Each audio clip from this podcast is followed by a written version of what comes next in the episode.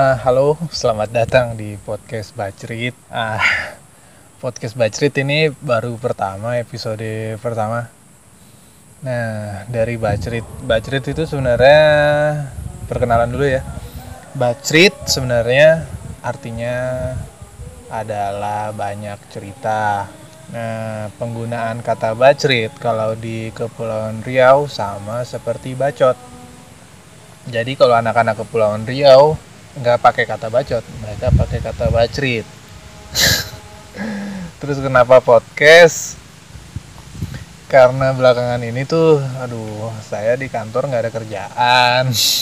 Punya banyak waktu luang 8 jam kerja itu nggak ada kerjaan jadi nggak ada ngapa-ngapain. Jadi saya pengen bikin podcast lah. Hmm, oke. Okay. kalau saya sendiri sih suka dengerin podcast udah dari dua tahun sekitar segitu dua tahun yang lalu saya suka dengerin podcast awal minggu podcast menjelang dini hari kadang-kadang the podcast terus suara nih banyak tuh podcast podcast Indonesia yang sudah nyebar dan podcast di Indonesia sedang lagi naik jadi kenapa enggak gitu ini episode pertama. Saya pengen ngobrolin tentang internet. Internet di Indonesia. Oke dengerin ya. Dengerin sampai habis. Ya please. Thank you.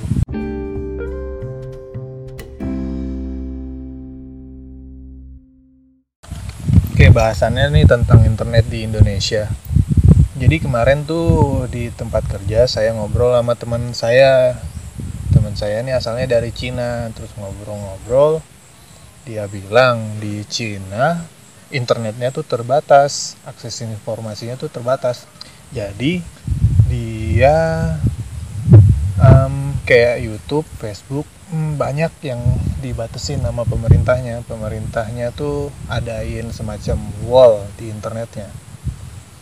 Jadi kayak internet positif lah kalau di Indonesia Nah kalau di Indonesia kan internetnya paling yang kena internet positif uh, bokep, Tumblr, Reddit kan cuman ya masih dibilang masih sedikit lah yang diblok. Sedangkan di Cina tuh lebih banyak. Nah balik lagi kalau di Cina mereka bisa juga mengakses uh, internet luar, internet luar pakai VPN kayak kita juga. Hmm, gitu. Nah kalau di internet itu kan saya pengen ngobrolin internet internet itu kan banyak manfaatnya ya. Dari informasi ah ya informasi sih. Informasi informasi bentuknya kayak e-book kayak film musik macam-macam kan. Dan hebat-hebat gitu. Ya yang beredar di Indonesia. Contoh satu film. Film kayak film yang belum ada di bioskop itu udah ada tuh kayak di Indo XX1 gitu XXI XXI uh, udah ada bahkan sama subtitlenya udah ada disebarin sama orang di internet nggak tahu siapa. Orang itu kayak pen Kasuki lebah ganteng yang kayak gitu gitulah orang-orang bawah tanah itu. Nah dari situ kita dapat satu film bioskop. Kita bahkan nggak jadi bisa nggak keluar uang untuk nonton film itu film. Terus ebook. Ebook itu kan kita bisa dapat eh di Gramedia lah. Kalau di Gramedia buku-buku aduh kalau kalau saya sih duit saya kan dikit. Jadi kalau ke Gramedia tuh sudah suka-suka miris itu suka sedih. Ngeliat buku yang dipengen tapi harganya mahal. Aduh gimana nggak bisa beli. Mau nabung juga nggak bisa. Tapi ada website website yang dibuat sama orang nggak tahu siapa banyak di internet ibu-ibu kayak gitu disebarin secara gratis. Mereka sebarin dengan cuma-cuma aja gitu ibu.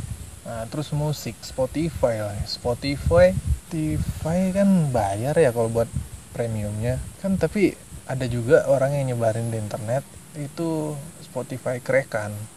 Nah, Spotify korekan jadi premium tuh bisa didapat gitu-gitu aja nggak perlu bayar udah langsung kita bisa akses semuanya. Nah dari Spotify.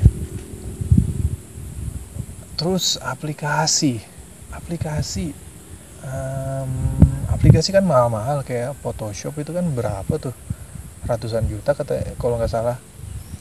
Terus kayak yang saya pakai AutoCAD. AutoCAD tuh buat gambar-gambar dena rumah-rumah gitulah buat gambar-gambar gitu. Nah kalau AutoCAD nih harganya sendiri itu 90 juta. Untuk prof profesi yang pakai AutoCAD contoh uh, drafter drafter. Drafter tuh kayak orang-orang tukang gambarnya gitu. Drafter itu pakai AutoCAD.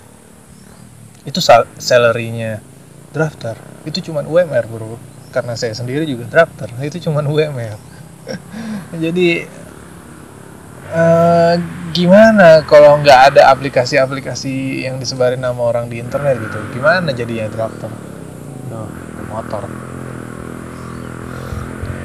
Gimana? Saya nggak mungkin jadi drafter kalau nggak ada aplik orang yang nyebarin aplikasi di di di di, di internet. Karena aplikasinya aja udah mahal gimana saya saya mau sanggupin tuh beli 90 juta buat kerja UMR terus tutorialnya ada di YouTube. Jadi kita download AutoCAD ya dulu terus di rumah di laptop kita di rumah. Terus kita lihat tutorialnya di YouTube kita belajar di rumah. Kalau udah bisa baru kita ngelamar kerja jadi drafter. Jadi kalau nggak ada orang-orang yang orang-orang itu semua yang nyebarin kita tuh gimana ngakses ngakses informasi itu? Um, itu kan tentang hak, hak cipta ya informasi-informasi itu memang yang seharusnya bisa ngakses itu orang-orang kaya.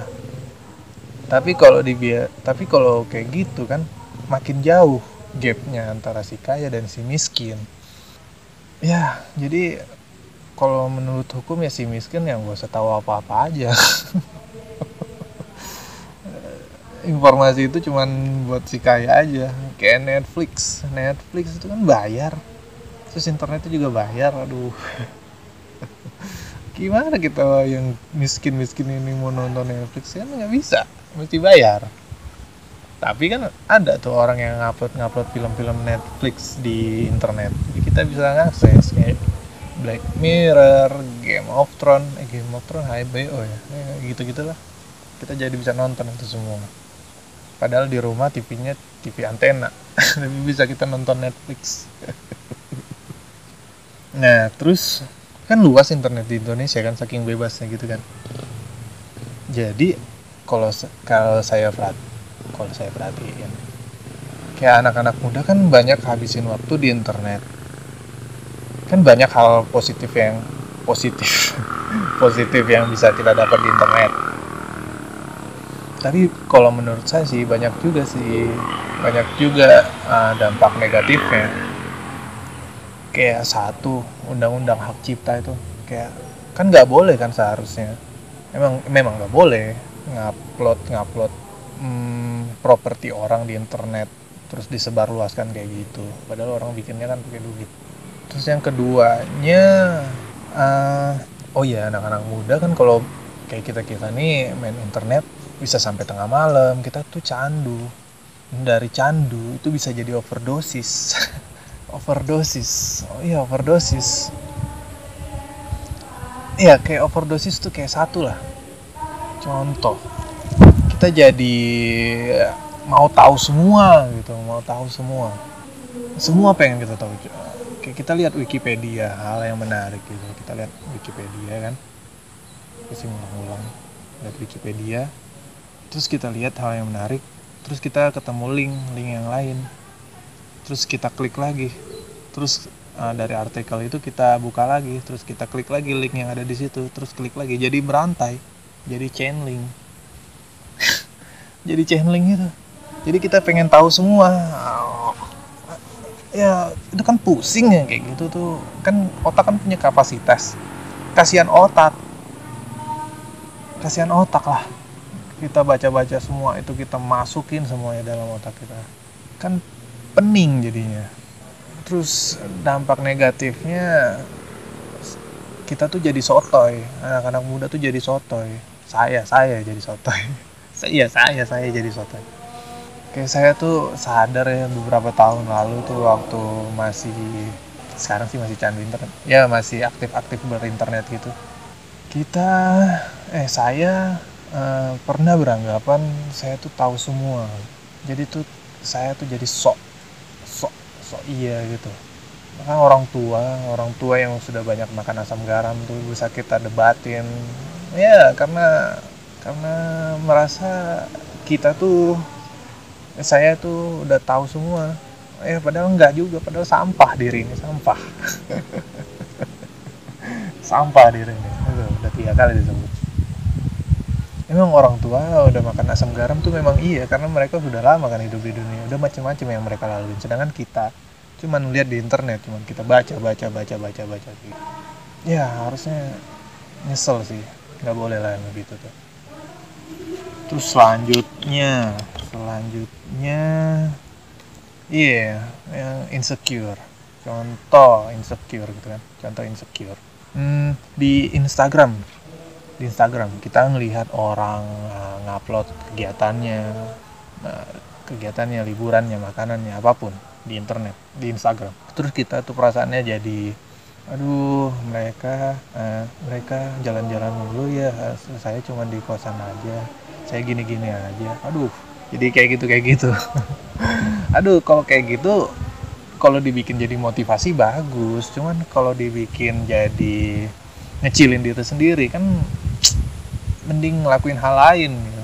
Kenapa daripada ngerasa yang kayak gitu kayak gitu mending langsung di skip aja. Kan jempolmu nggak kenapa kenapa jempolnya nggak sakit apa apa kenapa nggak langsung di skip aja? Udah langsung lihat yang lain aja. Ya lihat yang lain aja. Iya pokoknya selektif aja. Lihat apa yang pengen kamu lihat aja. Jangan lihat apa yang nggak mau kamu lihat. Hmm. terus selanjutnya hmm, ya jadi selektif. Kita jadi selektif.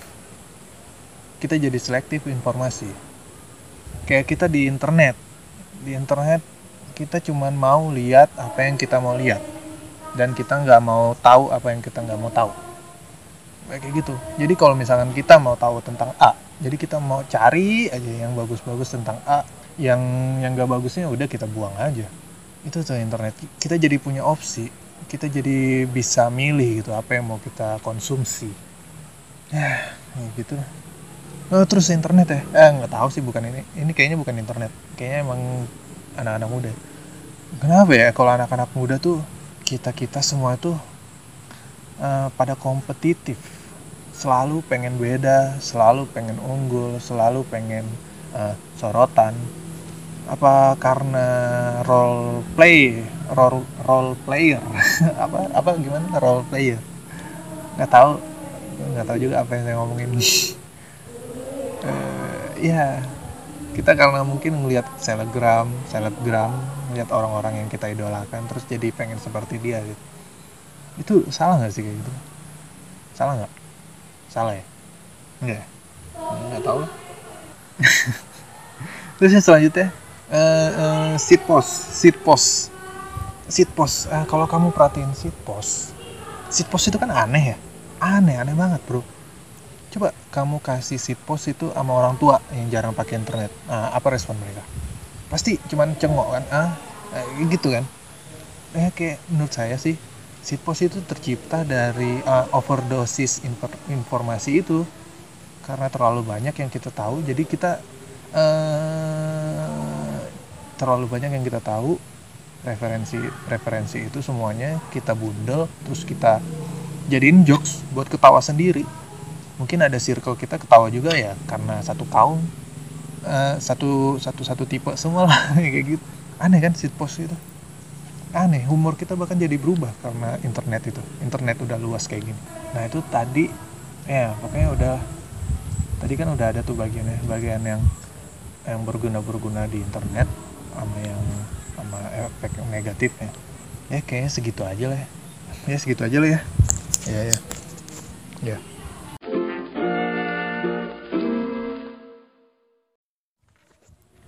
oke uh, untuk bahasan internet nggak tahu sih saya ngomong apa dari tadi.